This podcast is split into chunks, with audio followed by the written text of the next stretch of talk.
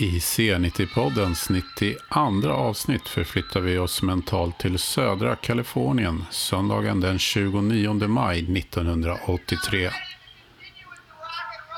Det är upp mot 40 grader och 370 000 människor befinner sig på ett och samma ställe för att bevittna Heavy Metal Day på den mytomspunna festivalen Us Festival.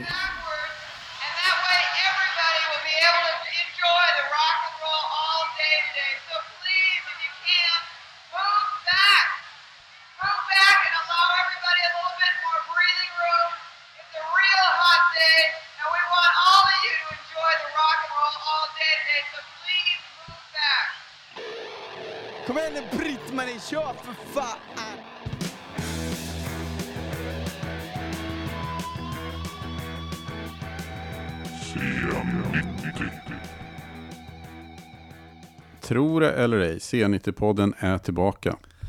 kör vi. Hur är läget Niklas? Jo, man ska väl inte klaga egentligen. det, det, trots denna Novemberregn. novemberregn och den ständiga pandemin. Ja. Eh, Så nej, det, det rullar väl på i, i vanlig ordning. Själv? Jo, ehm, det känns bra att vi eh, är tillbaka. Det har varit ett väldigt långt uppehåll. Ja, jo men det, herregud. Det blir ju så. Glädjen är desto större när vi väl släpper ett nytt avsnitt. Exakt, Ja. exakt. Var det alltså den 29 maj 1983 som hårdrocken dödade new age-musiken? Just det.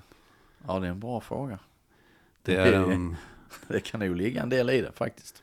det är en bra one-liner från Vince Neil. The day that metal killed new age. Verkligen, verkligen. Men det ligger ju mycket i det. Ja, det tror jag nog. Ehm, det är alltid intressant det där när man, när man läser om den tiden, just början av 80-talet och kanske framförallt då också när man läser om och hör intervjuer om LA-scenen. Att det var ju det som var det stora. Mm. Det här liksom new age-grejen, new wave-grejen. ehm, att, ehm, eh, eller det här också, det här, vad heter det, new romantics, eh, Flock of Seagulls och alla såna här grejer. Brittiska band var väl också rätt stora i USA då. Ehm, The Knack och My Sharona och sånt där. Att det var den stora scenen liksom och den musiken som var oerhört populär. Eh, hade väl tagit efter, eller liksom tagit över lite efter punken där på Mm. slutet av 70-talet. Och sen kommer hårdrocken och jag, jag tror absolut att, att det vi ska snacka om idag, framförallt för USA, Mm. eh, gjorde att, att eh, saker och ting förändrades ganska hastigt där. Ja, för det här avsnittet ägnar vi åt eh, Us Festival. Jag, Ja. tro, jag trodde ju ett tag att det hette US Festival. Det, det trodde jag nog liksom, det har jag nog trott i under alla år som man har läst om den festivalen och man har sett så här så trodde jag också väldigt, väldigt länge att det var liksom US Festival på något vis. Så tänkte jag, ja men det är typiskt amerikanskt och stort. Och sen så fick man reda på att det faktiskt var då US Festivals. Ja. Unite Us in Song tror jag det var. Ja. Eh, eller United in Song eh, var väl själva eh, Ja, och, som de sen satte ihop. och, och grejen var väl också att han, eh, Steve Wozniak, då, en av Apples grundare, Mm. som var hjärnan bakom hela US Festival. Eh, han hade också någon idé om att 70-talet hade varit Me. Eh, eh, det. Decade, medan eh, eh, han då ville att 80-talet skulle bli Us. Där. Liksom, och, och, och där fanns ju då en koppling till Apple, att man så här, med teknik kunde kopplas ihop Exakt. bättre. Även om det här var långt före nätet och Oh, smartphones gud, ja. och sånt där så var det väl, hade man väl andra tankar om liksom just med, med datorer och sånt att Ja. man skulle eh, ha, koppla ihop folk. Ja, jag läste det faktiskt eh, just eh, att den första, den Apple 1, att den såldes för 666 dollar 66 cent. Och att Steve Jobs inte hade en blekaste aning om symboliken kring 666. Eh, utan han gillade bara att, att sådana siffror som upprepade sig och sådär liksom. Det var lite kul. Ja. Nej, men Ass Festival, är, vi ska ju prata om eh, en av dagarna. Det här var ju då faktiskt fyra dagar eh, under maj 1983.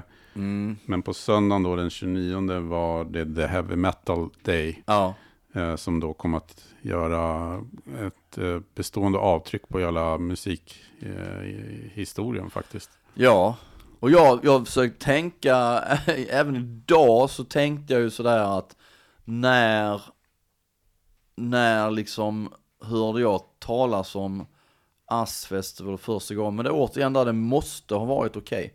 Eh, och jag har svaga minnen av att, eh, att det fanns något sånt här uppslag i okej liksom just med Heavy Metal Day och, att, och, och Ass Festival. Och det borde väl ha varit kanske då första gången. För, jag menar, sen att se levande bilder från det, det kom ju liksom, jag menar långt, långt senare. Nu ligger ju allting ute på YouTube så att säga, men Mm. det, ehm, det fanns ju ingen, jag hade ingen, jag hade ingen VHS-kopia eller någonting sånt. Jag vet att jag senare skaffade tror jag en, eh, en eh, DVD med bara Van Halens framträdande tror jag. Annars ingenting direkt liksom. Nej, för den, den andra upplagan då av Us Festival som då äger rum eh, sista helgen i maj där. Eh, den lockar ju enormt mycket folk. Sammanlagt är det då en uppskattad pu- publiksiffra över 600 000. Ja, spridd över de eh, Fyra dagarna. dagarna, ja. ja. Men av de där 610 000 så är då 375 000 på The Heavy Metal Day på söndagen. Ja, Och det är ju galet mycket folk alltså. det är fruktansvärt mycket, vilket, fast visar ju också och då något enormt sug Mm. över den typen av musik. Mm. Och flera av banden som spelar är ju liksom mitt uppe i eller på väg att bli Mm. eh, och få liksom stort genomslag, framförallt i, i USA. Ja. Och de som spelar är då eh, först Quiet Riot. Ja, Som är efter festivalen kommer att bli det första hårdrocksbandet som har en etta på album och Billboard-listan. Då, exakt. Och den var ju släppt Health. då, Metal Health. Ja. Eh, släpptes i mars för 83. Och får förmodligen en rejäl skjuts av Ass Festival. Oh ja. Eh, de spelar i princip bara den, låtar från den eh, Ja, skivan. ja. Och eh, ja, Kevin DeBrow, där sångaren, är ju i hög form som en speedad rock'n'roll-version av clownen Manne. Liksom. Lite så, faktiskt. Men det, det som är intressant med honom också är ju att han sen, att han sen på något vis, och det, det vet jag inte, står väl i intervjuer så här också, men han, han får ju någon enorm hybris. Vilket jag tror är mycket av det här att de får den första ettan i USA. För han börjar ju snacka skit om alla band. Så Aha. han blir ju fruktansvärt eh, illa uppskattad av andra band, framförallt de som är från LA-scenen och där i USA. För i varenda intervju så snackar han skit om alla band och hur fruktansvärt värdelösa de är. Så han hade ju ett skitdåligt rykte under lång tid. Som en, en dryg jävel, korkad jävel, vilket han sen, han bad om ursäkt långt, långt senare för detta när han insåg liksom och, men. Var inte de andra i bandet också jävligt trötta på det? Eller, Jo, jag tror så? det, men just det på grund av att han, att han sumpade mycket. Jag tror att han, jag tror nog det har sagts en del om det, att han liksom delvis på något vis sumpar deras karriär lite med att köra med den stilen.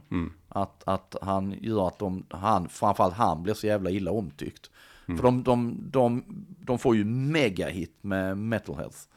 Eh, och sen efter det släpper de Condition Critical som inte väl riktigt då, jag älskar den plattan men den lever väl inte riktigt upp till Nej. förväntningarna kanske.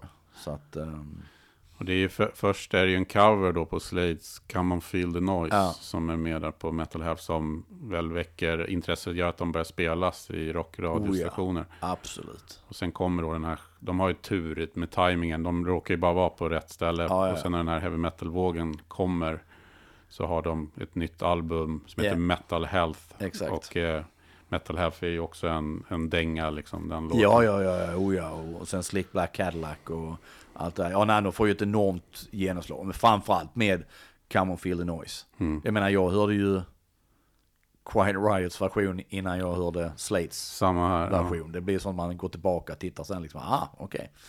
Eh, Men de gör den bra, och hans röst är ju faktiskt liksom påminner ju om Noddy Holders eh, röst, så att det, det, det funkar ju fantastiskt bra. Ja. Eh, och, ju, och det är också sagt som du menar, hela uppstarten där, MTV är igång, de har fått enormt genomslag där också. Det är Ja. jävla bra timing på så vis. Och liksom de flesta av spelningarna från Oz Festival Heavy Metal Day så finns hela Quiet Right med bra bild och ljud på, Mm. Absolut. på, Absolut. på YouTube. Så där kan man ta, ta del av eh, Kevin DeBrows eh, ska säga, lite annorlunda scenmundering. Liksom. Det är färgglatt. Det, det, det roliga var ju alltid det att redan där så har ju inte han någon jättehårman. Nej, Han är liksom väldigt så här kryllig. eh, börjar ta sig bakåt. Ja, exakt. Man ser det ganska stora fläckar så här. Och sen så går det ju Condition Critical och sen släpper de väl, sen är det den här Quiet Riot 3 och jag har för mig att redan på Quiet Riot 3 så eh, eh, har jag jävla, jag tror jag har för mig att han har ändrat det här, att han har liksom jättestort hår så här. Och så läser man någon intervju så här långt, långt senare så här, var det peruk? Så här, Nej, det var inte peruk, bara, ja fan alltså, du får inte sånt hår liksom, tjong sådär. Eh, så att, nej, det var jäkligt snyggt, det fasen. Ja. Ja, efter Quiet Right då, som börjar klockan 12 på dagen. Mm. Så, och det man kan se också på, på de här YouTube-klippen är ju att det är fruktansvärt varmt. Ja. Alltså det är ökenvärme. Ja, jag läste någonstans att det, det är över 40 grader någonstans, Ja. så att det, det Och det dras över folk hela tiden. Ja. Eh, över kravstaketet och eh, ja, det, det, de står med och sprutar vatten. Ja, ser ja, att alla står och bara typ vinkar Ja. att spr- spruta vatten på oss. absolut. Och sen nästa band som ska upp då är ju Mötley Crüe.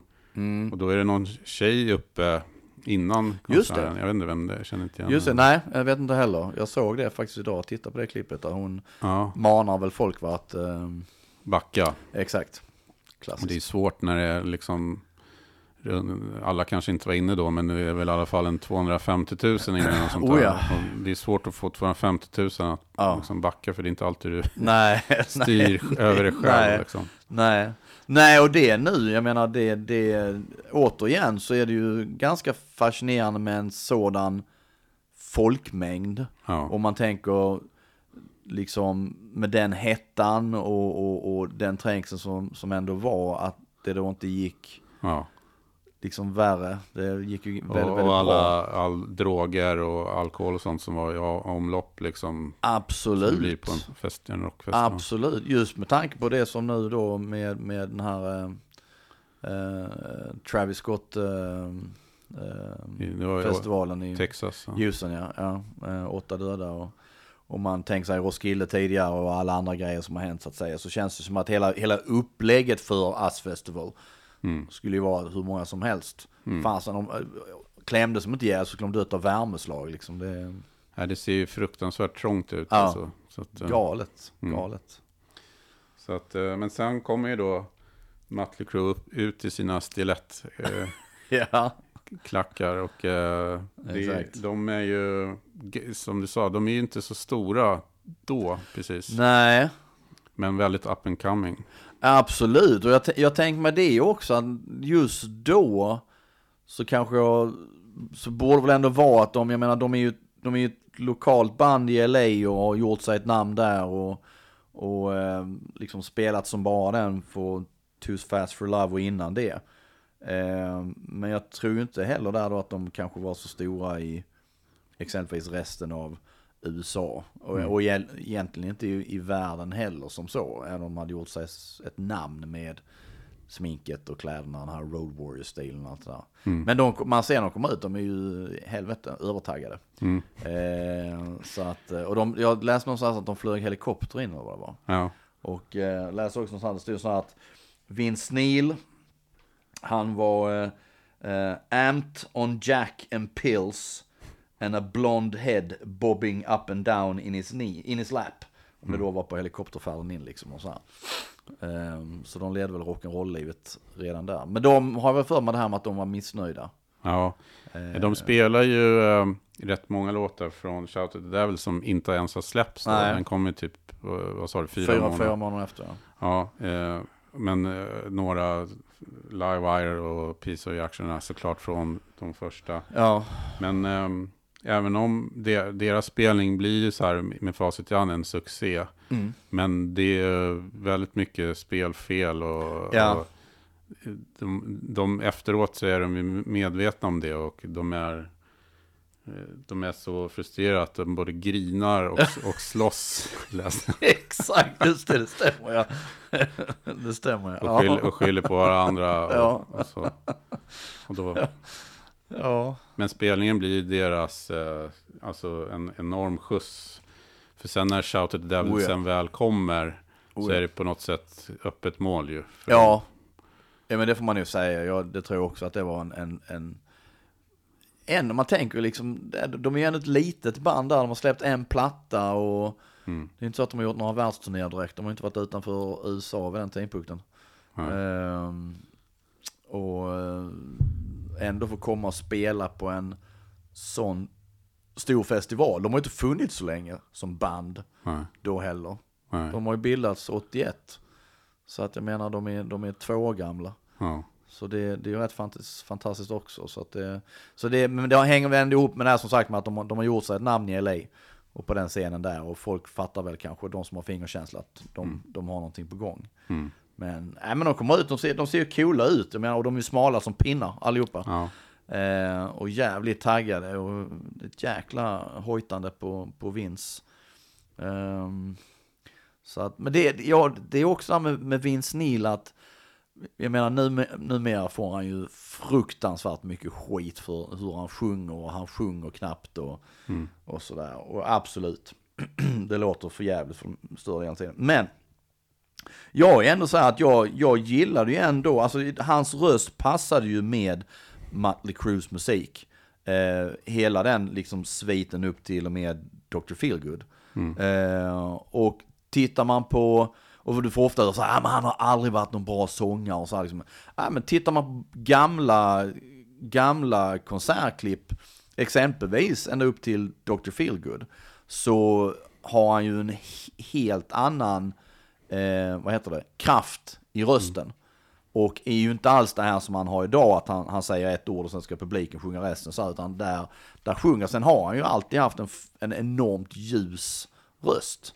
Men han kunde ju sjunga på ett helt annat sätt förr i tiden än liksom, jämfört med hur det är idag. Så att jag, jag tycker han liksom, han får onödigt mycket skit. För jag tyckte hans röst var bra när det begav sig på 80-talet och den, den passade bra till, till just deras musik. Mm.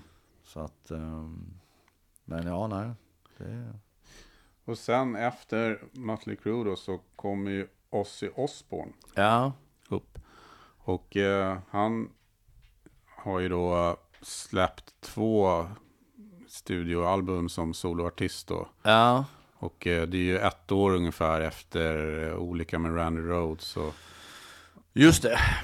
eh, så, så att, eh, men han har ju hela liksom det här sab sabbat-grejen i ryggen. Och Ja. är ju liksom ett stort...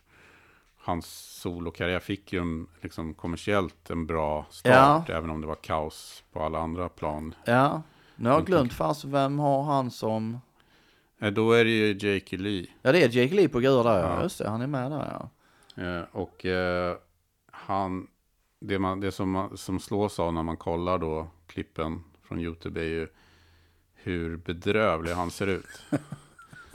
Han har ju då klippt av sig håret tidigare i någon sån här vansinnesinfall. Ja, Men det har vuxit ut lite. Liksom. Ja. Men han är fortfarande relativt korthårig. ja, Och så har han lite slingrig där för att försöka gjort någonting av det. Och sen det. är han ganska otränad. ja. Men envisas ändå med bara överkropp.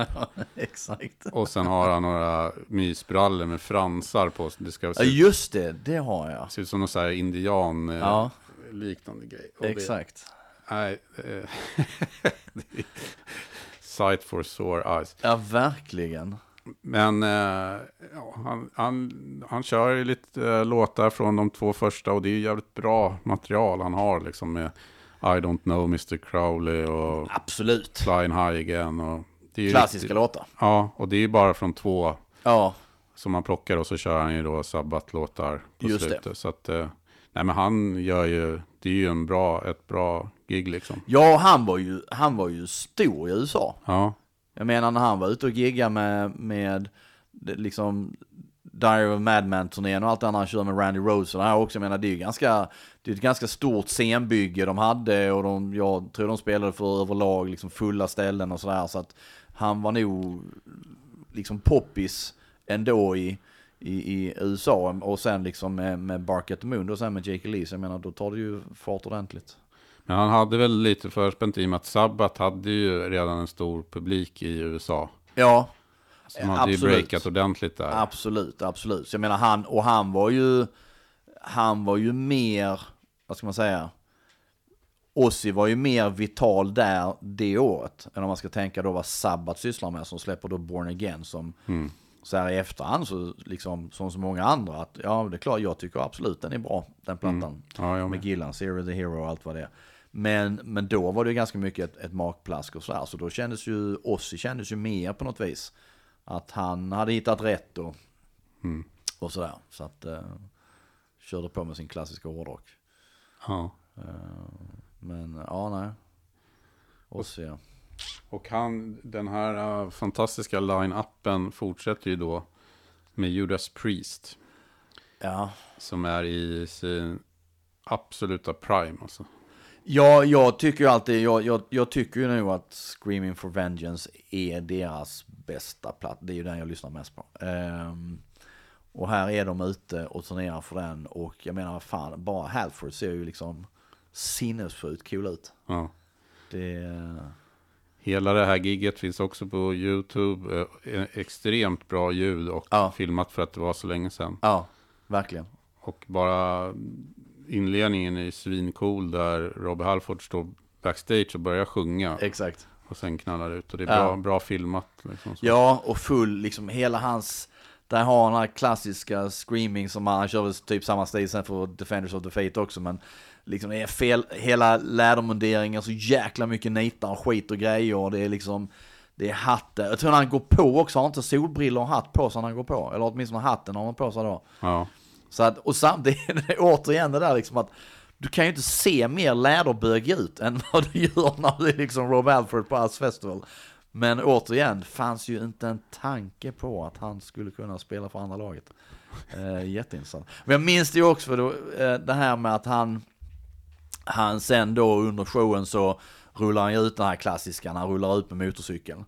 Och så, eh, eh, så ser han, han, han gasar så här, man hör ju hur motorcykeln gasar. Men jag menar, det var också sån grej jag tänkte på att liksom, att, ja men det tog ju år innan jag kopplade det att det är väl klart att den motorcykeln inte är igång utan det var något ljud man, man har i högtalarna liksom.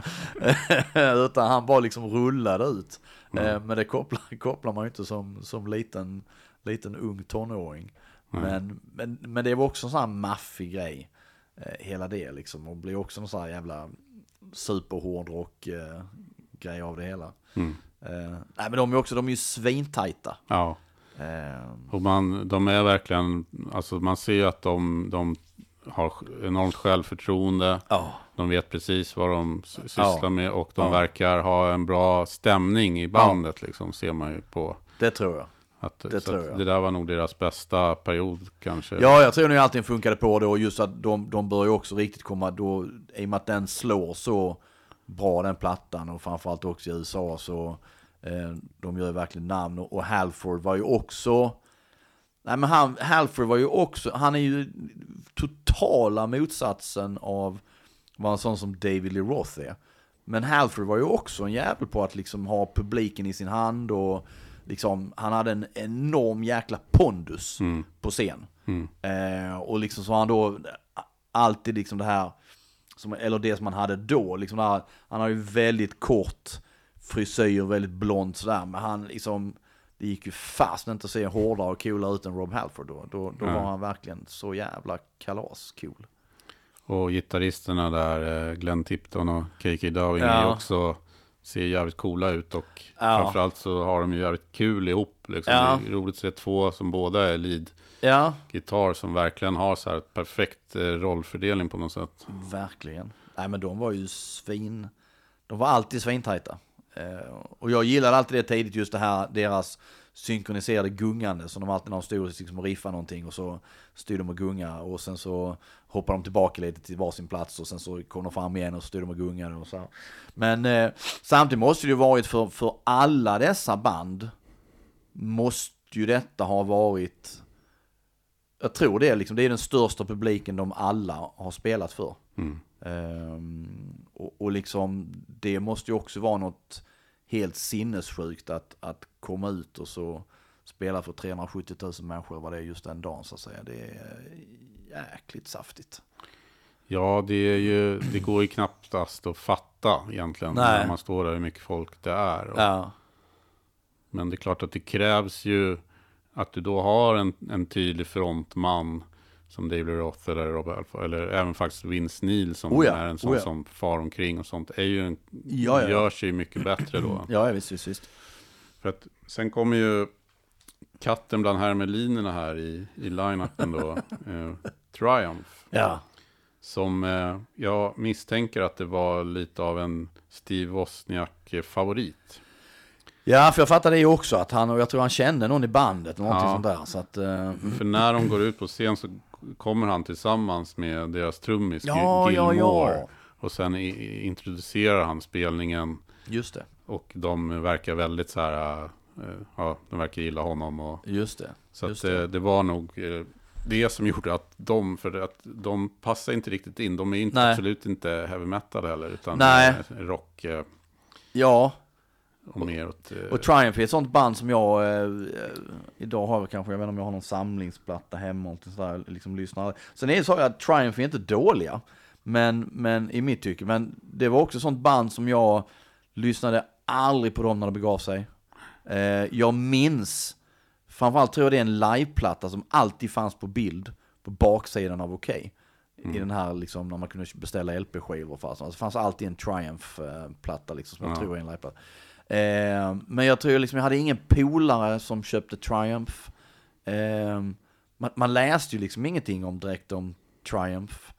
Eh, det stod kanske sen lite mer i Kerrang och de figurerade väl någon gång i Okej kan jag tänka mig.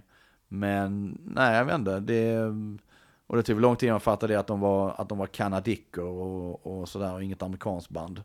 Eh, en, en trio ja, dessutom är det Ja. en power-trio, och, precis som Rush på så vis. Och trummisen Gilmore sjöng ju mycket. Ja, Vilket är också lite så här, ja det görs inte alls så bra. nej, nej, Scen, framförallt. nej. Och eh, de var väl lite i skuggan av Rush. Eh, men hade ju lite, inte samma liksom progg Absolut inte. Utan det Nej, är nej, mer, eh, mer i så fall eh, AOR-vibbar. Och, Ja. på framförallt singlarna då. Så här. Men de sålde ju, alltså de sålde gu- guld i USA på flera av, Oh ja. av plattorna. Så, Oh ja. så de hade ju onekligen en, en stor... Ja men jag tror det, men jag tror deras, jag tror deras, eh, vad heter det, deras storhet var nog mycket just Kanada, hemlandet och USA. Ja, Det är också sånt band som jag tror aldrig blir så särskilt stora i Europa. nej. Men, eh, men de har släppt någon sån här tror jag, de har släppt någon, eh, eh, vad heter det? De har ju återförenats och gjort någon dokumentär nu vad fasen det tror jag, som antingen är släppt eller ska släppas tror jag, det här året. Som jag har sett någon trailer på som faktiskt verkade ganska intressant. Jag har intervjuat, jag, jag tror jag har berättat det en gång tidigare, jag intervjuade väl, jag tror jag intervjuade han Gilmore om det är han. Två gånger så, och någon gång var det att jag fick ringa upp ett nummer som jag trodde var i New York och han befann sig på Jamaica. Och svarade i mobiltelefon och jag trodde så här liksom att gud det här kommer ju bara, det här kommer kosta hur mycket som helst, vi snackade i en halvtimme och så här. Som tur var gjorde det inte det men. Ja, Triumph ja. ja. Man kanske ska ge Triumph en, en chans till och Ja. gå hem och lyssna på dem. Nu börjar det bli lite svalare där eh, och mörkare. Mm, Och då är det ju dags för det näst sista bandet. Och då är det Scorpions som kommer ut. ja. Som också är ju bra läge i karriären. Blackout. Ehm, Och släpps och eh, ja. Året innan. Och eh, de har väl redan turnerat i, i USA. Ja. jag vill minnas att, vilket vi nu har snackat om också, att ehm, eh, i Scorpions-avsnittet, att, eh, vad heter det, gatefolden i Worldwide Just Live, just det. att det är från Us Festival. Ja. Det var så här också, fan, alltså stora var de, men så jävla stora var de inte att Ja. de spelade själva på något sånt, utan det, det är taget därifrån. Ehm, Bra men- läge att ta publikbilder. Ja men det var, Ja. men det var ju även det också att det var också sån grej att med tanke på den brist på information man hade, det möjligtvis att det står i skivan att det är foto från den liksom. Men, men bilden man hade när man, när man första gången man såg den var också jäklar med folk Scorpions drar. Ja. Eh, men det är skillnad på ett eget gig och ett festivalgig så att säga. Där, jag tror de breakar jättemycket med, också med, med Us Festival i och med att de får spela till en sån stor publik. Eh, och gjorde sig verkligen, vilket är, är kul just med tanke på det. Och de presenteras ju också som Scorpions from West Germany. Eh, för det var väl också där, för det var ju någonting med, med hela festivalen, det var någonting, satellitlänk till Sovjet. Mm. Eh, och sen var det någonting med tidsskillnaden och att det var mörkt och det, de skulle, jag vet inte vad de skulle, det skulle vara något utbyte där. Jag vet inte riktigt vad det var.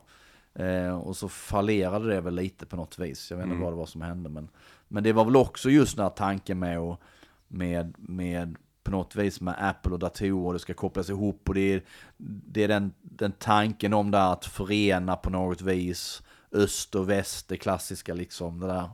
Eh, något, någon, fanns någon godhjärtad tanke Ja. bakom hela festivalen på något vis. Ja. Och sen då så kommer ju då Top of the Line, Van Halen, som Ja. var på vid midnatt. Ja. Och det är ju en väldigt eh, mytomspunnen spelning. Ja, ja. och det, det cirkulerar så väldigt många olika siffror om, om då vad, vad de fick. Och det senaste läst nu då är att de skulle ha fått då 1,5 miljoner dollar och sen så är det 1,3 miljoner dollar och allt vad det nu är för någonting. Men det är helt klart är att det är över en miljon dollar de får i pröjs för det.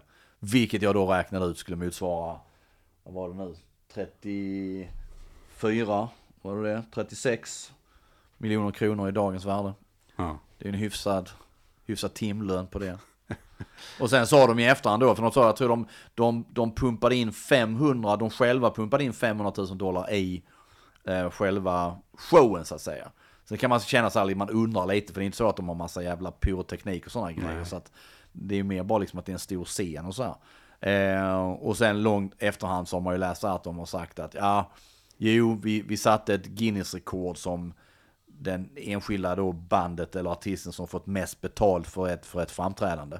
Men eh, de, liksom när allting var avbetalt och allting skit där så alltså liksom fanns det inga pengar kvar. Så att det var inte så att de kammade hem skitmycket pengar på det.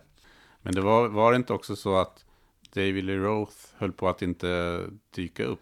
Ja, han var sen, han var ju backstage och festade som fan och det finns en helt fantastisk som var borta länge från YouTube och sen som kom tillbaka för ett år sedan med han eh, Mark Goodman som var VJ på, eh, på eh, MTV. Där han intervjuar David Roth i en kvart, 20 minuter backstage. Och David Roth är, han är så jäkla taggad och man, märk, man förstår det att han har ju liksom både druckit och, och jag tror det finns en story för han Mark Goodman också, han kommer in i en trailer och där sitter Daily Roth med sina liksom närmsta och det är liksom, det är bara någon jävla berg av kokain i någon skål eller fan det var och bara liksom, ja men ta för dig liksom, kör.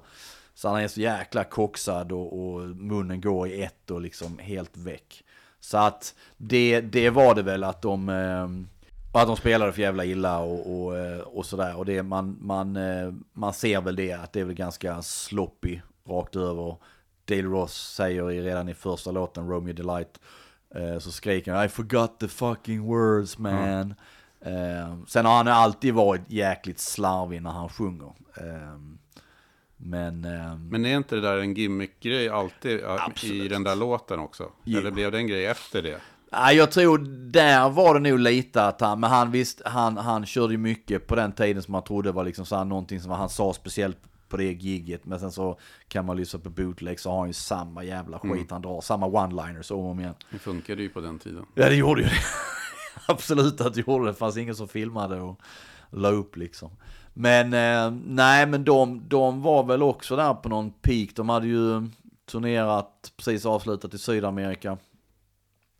Och eh, Eddie Van Halen jobbade på det som skulle bli 1984.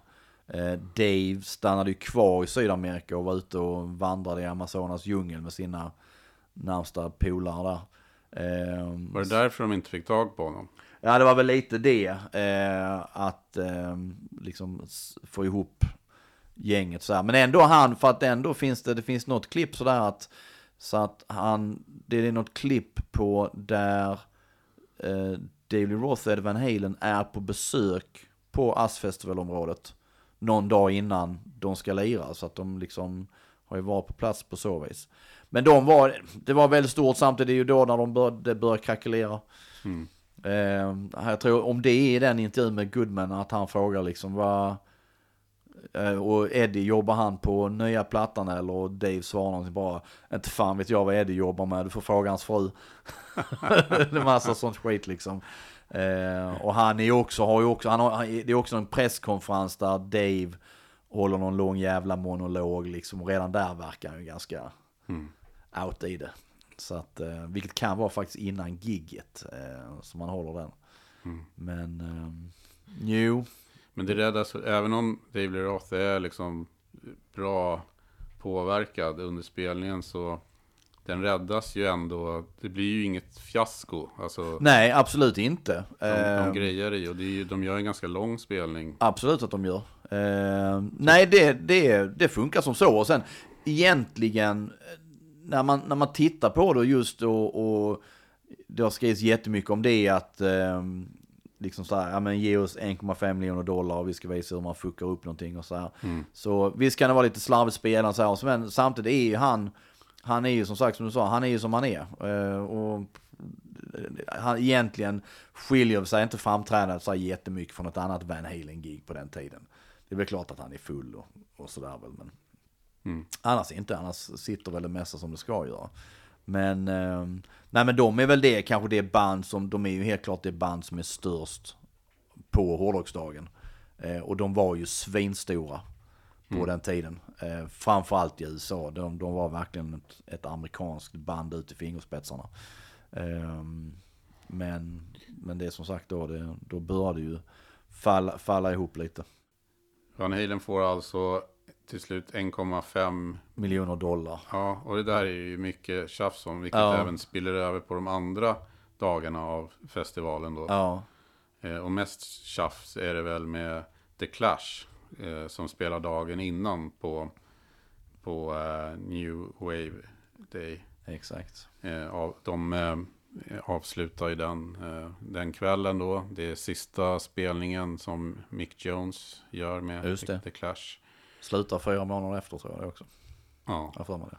Och de, eh, ja men Joe Strummer gör ju bort sig lite tycker jag. För att, eh, och The Clash också för att de, eh, bakgrunden är att det börjar, det blir bråk direkt när The Clash kommer till festivalen. Och de är egentligen i ett väldigt, på ett sätt är de i ett jättebra läge i USA.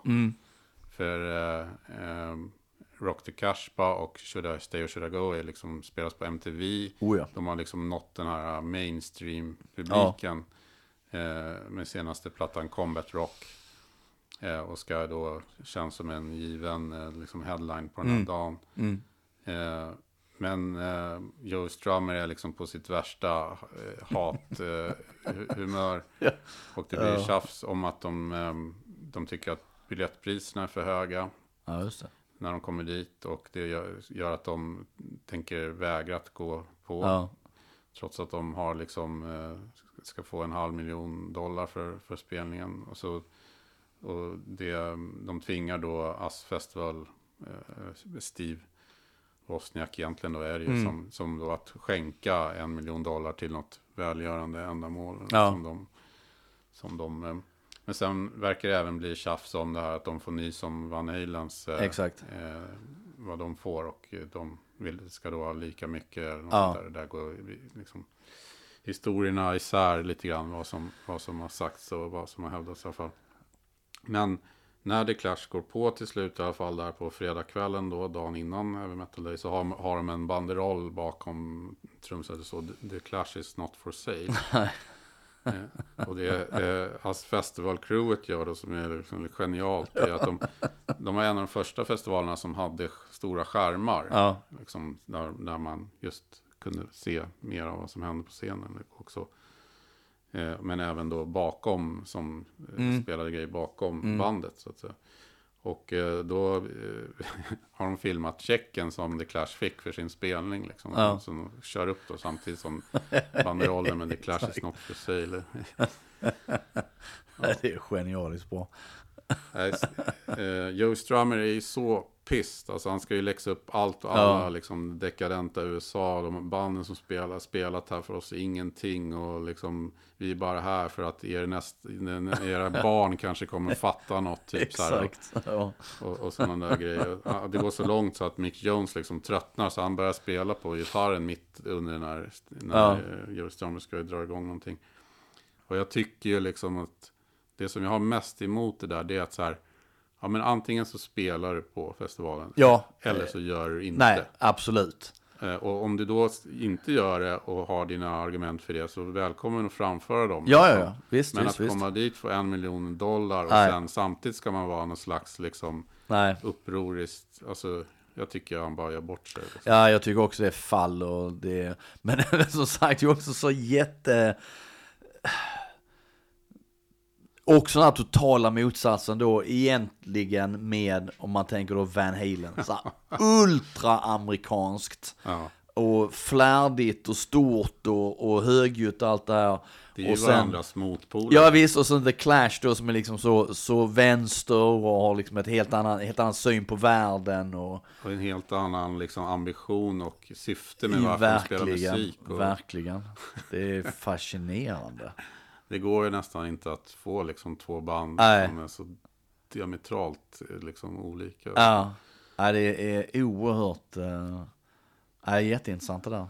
Men de drar igenom liksom, 20 låtar på en dryg timme. Ja, ja det är bra gjort. Ja, och man ser så här Joe Strummer i slutet av I fought the law så här så kommer han på så han, de hinner knappt avsluta låten så liksom samlas de så ska, då ska de köra I'm so bored with the USA liksom. Ja, ja, ja. så att det är någonting som gör att den kommer tidigare eller om den inte skulle varit med från början eller något sånt där så att eh, nej The Clash var jag tycker det var ett fantastiskt band men det där är väl inte deras höjdpunkt och det tyckte väl inte Nej. Nick Jones heller bevisligen. Nej. Liksom.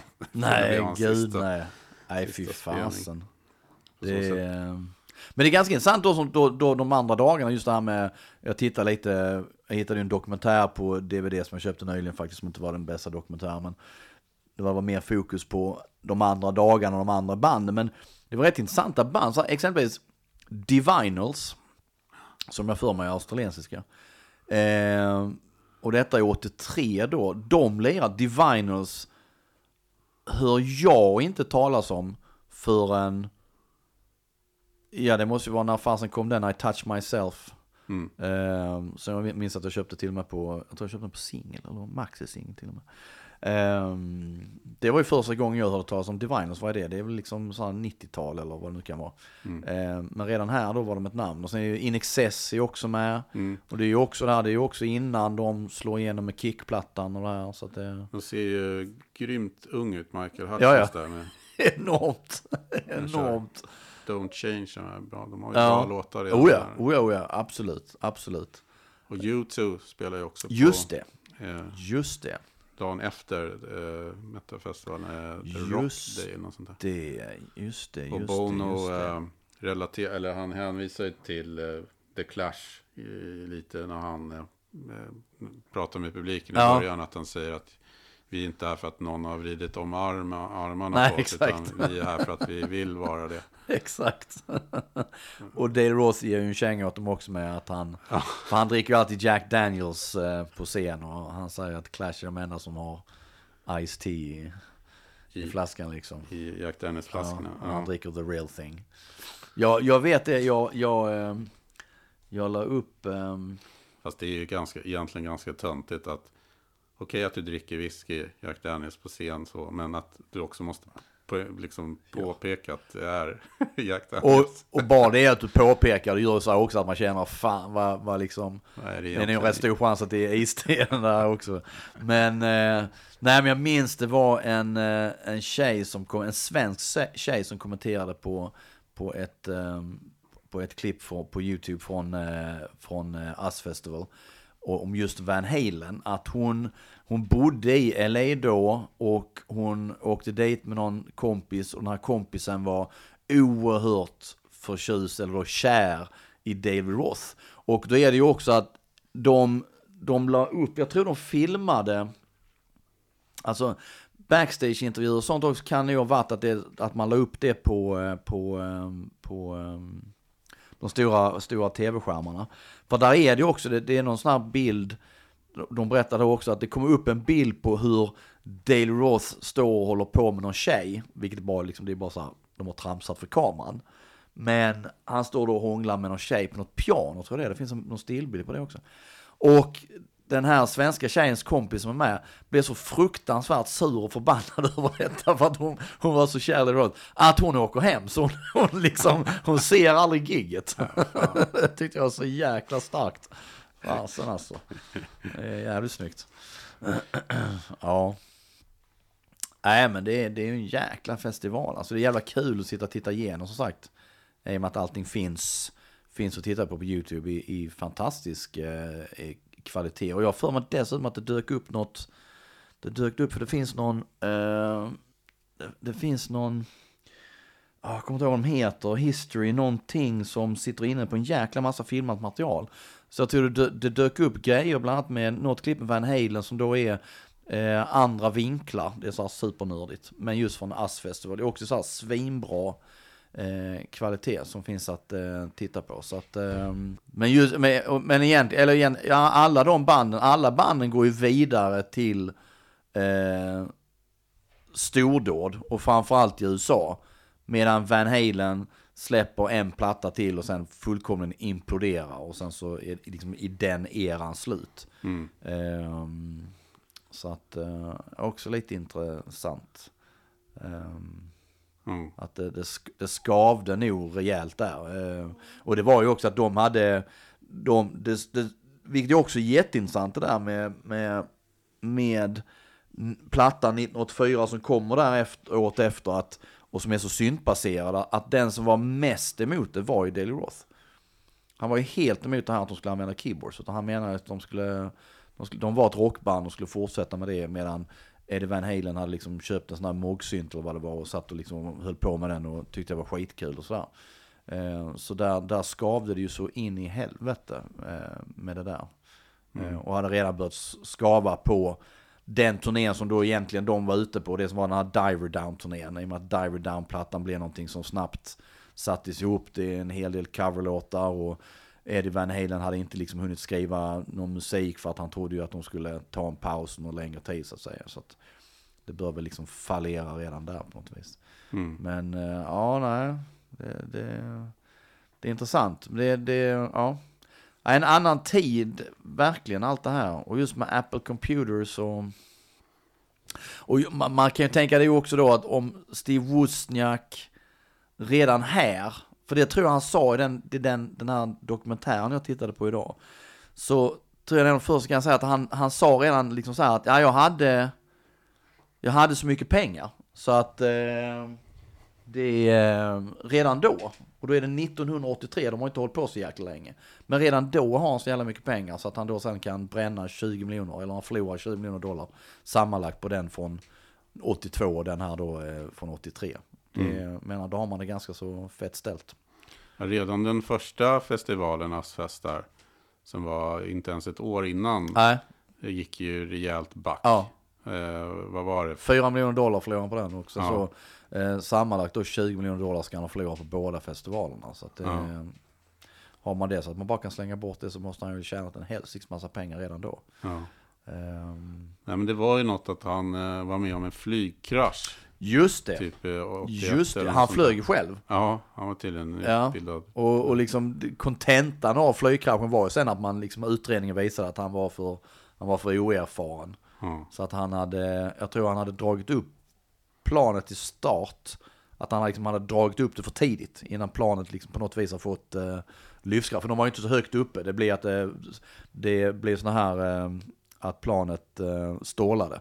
Liksom stannar i luften och sen så föll det väl ner och sen så åkte det igenom ett staket eller vad det var. Så att alla klarade sig så. Men han, han, eh, Han hade ju tur för han slog i skallen och grejer men eh, han fick någon jättekonstig form av minnesförlust. Mm. Att han mindes ju ingenting. Eh, tror inte ens han mindes sitt namn eller vad fasen det var. Och så var det ju under liksom en ganska kort tid.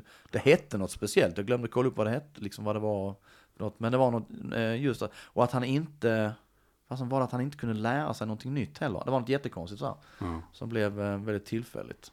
Eh, och Ass Festival 83 var ju att han också, han hade ju någon dröm. Han vaknade upp av att han liksom hade slumrat till och så hade han sett framför sig någon stor festival med 300 000 människor.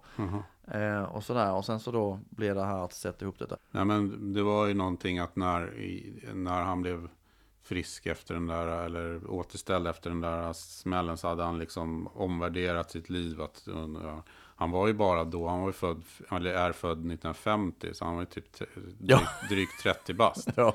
Men hade väl bara då jobbat i 10 år. Ja, Eh, Och nu vill han liksom göra andra grejer som, Ja. han, som han tyckte var kul. Men samtidigt var liksom Ja. utveckling på olika sätt kopplat till, till vad han är på med. Så.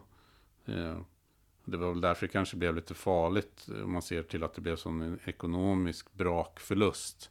Att om du, om du har de där pengarna så är du kanske inte lika noga med att göra kalkyler och liksom budgetar. För att säkert. det borde ju egentligen inte ha behövt gå i förlust med tanke på att det var liksom så mycket folk. Det var ju inte publiken som fattades. Nej, absolut inte. Eh, Utan det är ju bara att de måste ha räknat liksom galet. Ja, eh, ja, eller, ja exakt. Och, eller på något vis så här att de gav alldeles för stor, fast det borde de också veta till förra, vilka gager de delade ut i banden. Så att jag menar, bara där. Men det läser jag också att, att just Van Halen hade ju, och där, där var ju Daily Roth tillsammans med eh, Pete Angelus och de blev ju ett par sen, Picasso Brothers. Och Pete Angelus var ju den som var ansvarig för, jag tror han, han var ansvarig från början för ljuset på Van Halens gig. Eh, på deras turnéer. Eh, och sen blev de två jävligt tajta och de blev sen då Picasso, Picasso Brothers. Och han hjälpte till mycket det här när de skulle sk- göra den här filmen Crazy from the Heat som aldrig blev någonting och så här efter att han har splittat från Van Halen. Eh, men de gjorde ju massa, Van Halen gjorde ju massa merchandise som var ehm, eh, specifikt för eh, Us Festival, Memorial Day. Eh, massa specialmerchandise som vi sa också kostade skitmycket att göra. Men som också då var liksom ett, de menar väl stroke of genius, för det sålde väl faktiskt också hur bra som helst. Planscher, de hade en special t-shirt, eh, planscher, något speciellt häfte och knappar. Och det är den här klassiska, klassisk Van Halen-bild där de står med eh, flaggan, precis som soldaterna som reser flaggan på Iwo Jima. Eh, är ju från Us Festival. Så att, eh, Mm. ja. Nej men det, det hade varit intressant att se om, om de hade fortsatt och kört Us Festival. Mm. Eh, och det hade liksom rullat på de nästkommande åren på 80-talet. Så Om man, om man tänker på de, de artister och de, de band som kom sen, det hade ju blivit hur jäkla stort som helst. Mm. Och, och en sak, positiv sak i övrigt, förutom att det betyder mycket för, för hårdrockens utveckling då, och vilket över hela världen egentligen, eftersom det hade sån, sån inflytande, var ju också att det höjde standarden på festivaler. Ja, För tidigare hade det ju varit där att man utgick lite grann från Woodstock. Och eh, det fanns liksom knappt en toalett. nej, Och det fanns definitivt inga liksom, monitors Nej. ute. Och det fanns inga s- skärmar. Och, så det här var liksom revolutionerande. Och det här var ju just för att man ville visa att man skulle använda tekniken då. ja, Och kopplat till vad, Apple och hela den grejen. Och ja, tydligen så hade de stora tält utanför liksom själva just eh, publikkonsertområdet med, med videospel och dator. Alltså, ja exakt, för det var de, de hade som någon jäkla liksom Apple eh, fair, Ja. just för att visa upp Apple-produkterna. Så det, jag menar, det var ju även ett sätt att försöka sälja. Ja, och de var ju, om jag fattar rätt, uppkopplade även med sådana arkadspel och liksom... Ja, ja, ja, ja, ja, Break- okej, Breakout och de här som var heta Just då. det, just det. Som du nu kan spela typ i en liten klocka eller något. Exakt. Jo men det var det också, jag tror han, han eh, eh, VJn från MTV, Mark Goodman, i den här dokumentären. Så han sa det också att, det, samtidigt, det var ju det också att det var, det blev ju så stort också för det, på den tiden är, var det ju inte som det är idag. Där du har festivaler, fasen, alltså hela Europa är ju en rockfestival på sommaren. Eh, och det finns hur många som helst. Och även i USA har det blivit liksom att du har festivaler och du har turnerande festivalpaket som tidigare som Ozzfest och sånt. Det fanns ju inte då, så liksom Assfestival var ju ganska unikt på så vis. Eh, det här med festival, att, eh, och jag det tror också man hör dem säga att som du sa, man, man, man refererar till, till Woodstock att, att, eh, och då var ett annat tänk och liksom det var mer hippie och så här och det här var också sätt att man liksom, liksom mer ta in det i framtiden just med Apple och, och koppla ihop människor det här. Och, att, och, och göra det liksom lite mer komfortabelt, liksom att det ska finnas duschar och toaletter. Och, absolut, sen kan man ju se på det liksom hur man, hur man då eh, totalt misslyckas med en sån grej eh, flera år senare då när man har Woodstock 99 som den här fantastiska dokumentären som finns att beskåda på, jag vet inte vad det är, om det är Netflix eller vad det är. Eh, där det var fullkomlig kaos. Man tänkte liksom, känns inte som man hade lärt sig någonting av hur en festival Nej, ska fungera. Och där det också var den här enorma hettan. Så vilket kostade vatten 50 spänn. och så. exakt, exakt. Och hela festivalen slutar bara i kaos. Ja, Eh, det är upplopp och Ja, ja, massa skit och de bränner massa grejer, förstör allting och, och sådär.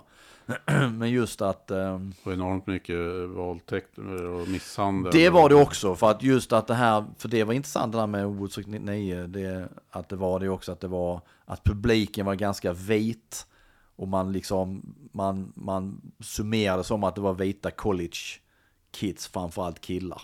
Liksom bakvänd kepa och liksom, Rednecks, urtypen, ja. urtypen för den här Redneck Jocks. Ja, om man får säga sådana dumma amerikanare på något vis. Mm. Blivande Trump-fans. Ehm, så att det, det var väl kanske där också just där, men det, sånt där är ju intressant. Faktiskt med, med när det är så stora folkmassor som kommer samman. Mm. Ehm, hur, hur det kan bli och att det kan bli sådär totalt fel som på Woodstock 99. Medan kanske då Heavy Metal Day är också så här, det är en hel dag där det bara är hårdrock. Så alla är ju liksom, det blir en väldigt homogen Mm. publik. Mm. Eh, och det, det var nog tror jag också en, att, att, att, det, att det var så mycket folk just där att dela upp det då. Att har Ja. New Wave Day, Rock Day och Metal Day. Att du blandar inte publikerna med. Då, Nej, i och med att du sålde liksom eh, endagars pass. Ja. Så att, eh, exakt. det var ju mycket som gjordes helt rätt. Ja, Men ändå så Faktiskt. blev det sån eh, ja. Gud ja. katastrof. Ja. Eh, siffror, men det drabbade ingen fattig. Nej, verkligen inte. Det kan man ju lugnt säga att det inte gjorde. Även om Steve Wozniak då, eh, ja, han var ju god för 100 miljoner och sånt där. Men han är ju ändå inte på den nivån som han Nej. kanske skulle ha varit med tanke på att han liksom startar Ja. Apple och bygger deras första Ja, och ligger bakom enormt mycket. ja man, man tycker att han borde liksom, jag menar det, det går ju som sagt, det går ju ingen nöd på honom idag. Men ehm, Han borde ju liksom vara Joakim von Anka. faktiskt, Men däremot Steve Jobs då var, som var liksom marknadsföraren av de två som ja, blev ju, ja det är klart han blir eh, miljardär i dollar Mm. flera gånger upp. Ehm, men ja, nej. eh, ja, nej men Ass Festival är ju lite så här, eh, lite okänd egentligen om man jämför med typ, ja men även inom hårdrockskulturen så här, så Ja. är det ju Monsters of Rock eh, som är eh, liksom den, Oh ja, kanske Oh ja. den som det återkoms mest till och pratas till. Och det har ju säkert också att göra med eh, geografiskt att den har liksom varit tänkte precis på det. Att England det, och ja, Europa. Nu, absolut. Det här var en amerikansk festival. Men det var ju flera europeiska band med. Och att de här art, art, artisterna då, flera av dem kom ju att, att eh, ja, vara en stor del av den hårdrockskulturen. Ja, och jag, jag, så tänkte jag på det också som du sa här, för du sa det att ehm, David Bowie spelade ju också, att, Ja, att det var att han, På måndagen då, Ja. efter, som det var så här Memorial exakt, Day. Så det var väl röd dag liksom. ja, att han hade flugits in för att han egentligen var på turné någon annanstans. Mm. Så tänkte jag det också liksom, då, då, då borde man ju kollat upp egentligen, men jag kan ju tänka mig då faktiskt, jag min, vet inte hur det är med Judas Priest och Scorpions då, jag kan tänka mig att de faktiskt kanske är på turné i USA just då, jag vet inte. mm. Och Van Halen amerikansk och sen Quiet Riot Mötley Crüe, det är liksom, de är som i närheten och, och sådär. Och så vet jag inte heller om han kan ju också varit på turné då, jag vet inte. Nej, eh, så eh, in och kolla på YouTube om ni är intresserade av framförallt de här banden, men också om eh, Ass Festival som fenomen, för att det är Ja. fascinerande grej. Ja, man, det, alltså det man kan ju lägga några timmar på det, i och med på allt som är filmat och, och kolla igenom. Bara Van Halen-giget är väl liksom på två timmar tror jag filmat. Ja. Eh, och sen absolut kolla in den där, eh, den ska ligga kvar. Uh, den här intervjun backstage med eh, Mark Goodman från MTV som intervjuar då Daily Roth som är helt jävla totalt väck. Han får inte, jag tror, han får inte ut någonting vettigt ur honom, om man säger så. Det är bara massa jävla one-liners till höger och vänster så här liksom. Mm. Ehm, och de hade ju de hade ju en gästlista på 500 pers. Och de som sagt, de hade ju byggt upp ett helt tält, skit liksom, massa grejer. Och eh, det var ju det som du sa igår det här också. Det, hade det- tryckt upp- en skylt eller vad fan det var som De stod. satt över på flera ställen. Uh, vad no journey fans, no, mhm, no journey fans and no sheep allowed eller vad fan. Stod det. Ja. Gick- Varför, hade de någon beef med Journey eller var det bara Vet faktiskt inte. De, de eh, de är inte jättelångt ifrån varandra musikaliskt? Nej, och sen de turnéer, de, den första turnén de åker ut på 78 i USA är just, eh, då är det ju Journey, Montrose och Van Halen, har för mig. Ja. Eh, Det finns någon sån scen ju med att, eller det finns en sån här story också med att Steve Perry, de, Van Halen gick ju eh, apeshit i omklädningsrum och kastade liksom mat och grejer. Jag tror Ed Van Halen ska kasta ett guacamole och det ska liksom kommit på Steve Perrys, han har sån skitfin sån här, eh, sån här snygga 80-tals satinajackorna och så här som fanns, eller en 70 som det stod Journey på. Och, så och han ska ha fått det på sin jacka och sånt och Storyn var så att han, blev, att han helt bröt ihop. Att han liksom stod och grät för att han hade, han hade fått guacamole och fan det var på sin jacka. helt fördärvad. Och sen har han sagt senare i någon sån här intervju, nej, nej, liksom, det var inte så att jag grät sådär men. Van Halen betedde sig som svin. Så att det kan vara en sån som ligger i bakgrunden. ja. Nästa avsnitt får vi väl snacka om Monster of Rock. Ja, gud ja. Ja, fy fasen, där finns ju eh, massor. Och jag, har inte, jag har faktiskt aldrig varit på någon Monsters of Rock. Eh.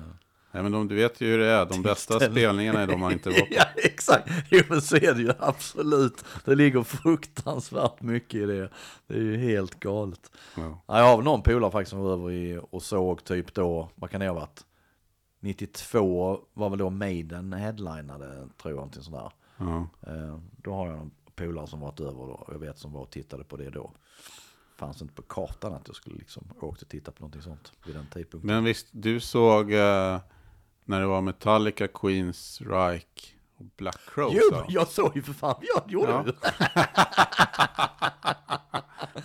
det gjorde jag. Jag tänkte, Herregud. vad fan. Den som dessutom firade 30 år tidigare i sommar. Ja, faktiskt. I Har du rätt Danmark va? I Danmark, Gentoft i Köpenhamn ja. Helt förträngt. så att jag dessutom tittade i och med att jag köpte den eh, eh, svarta boxen med Metallica så, så satt jag faktiskt och tittade på just för den spelningen är med filmad. Ja. Och satt och liksom förundrade så bara jäklar vad tungt det var. Eh, Kul att liksom, den är filmad som du själv varit på ju. Ja, faktiskt. Jag har, jag har den som bootleg sen tidigare på CD med, med bra ljud. Men det var extra kul att, och det finns ju, någon, det finns ju eh, bootleg-filmat eh, eh, på YouTube från, från Gentofte. Men det här var ju liksom samma sak där, det är den feeden som gick ut på, på eh, tv-skärmarna. Så det var ju extra kul att se. Det var furiöst bra, så det var så jäkla tungt så in i helsike. Jäkla ös. Så att eh, skitkul att se. Ja, där ser man, då har jag varit på Monsters Rock en gång. Fan, det hade jag helt glömt. Det är ju satan, inte konstigt när det är 30 år sedan. Men var du nöjd med The Black Album-boxen då, deluxe? Saken är ju där då, som man nu kommer fram till då, att eh, the chase is better than the catch. Eh, Som Lemmy sjöng redan Ja. 1980. Exakt. Jo, man går ju så här och tänker, för det är ju liksom den första stora boxen jag har köpt sådär. Ehm, och, eh, men det, ja, det är ju det, man, man vill ju att alla band ska göra så som Metallica gör, för de gör det helt rätt. Den är ju fylld till bredden med coola grejer. Eh, men sen är det när man väl får den så, så blir det bara så här liksom, när ska jag lyssna igenom liksom två, nu är det två dubbel-CD med bara outtakes och sådana grejer, liksom demoinspelningar. sånt. Jag, jag kommer aldrig sitta och lyssna på det ju. Så det man, det man blev med att vi, jag hade tillsammans med några andra polare, så bland annat Metallica-Fredrik. Ehm, så eh, så eh, tog vi en, en dag på eh, Warners eh, kontor.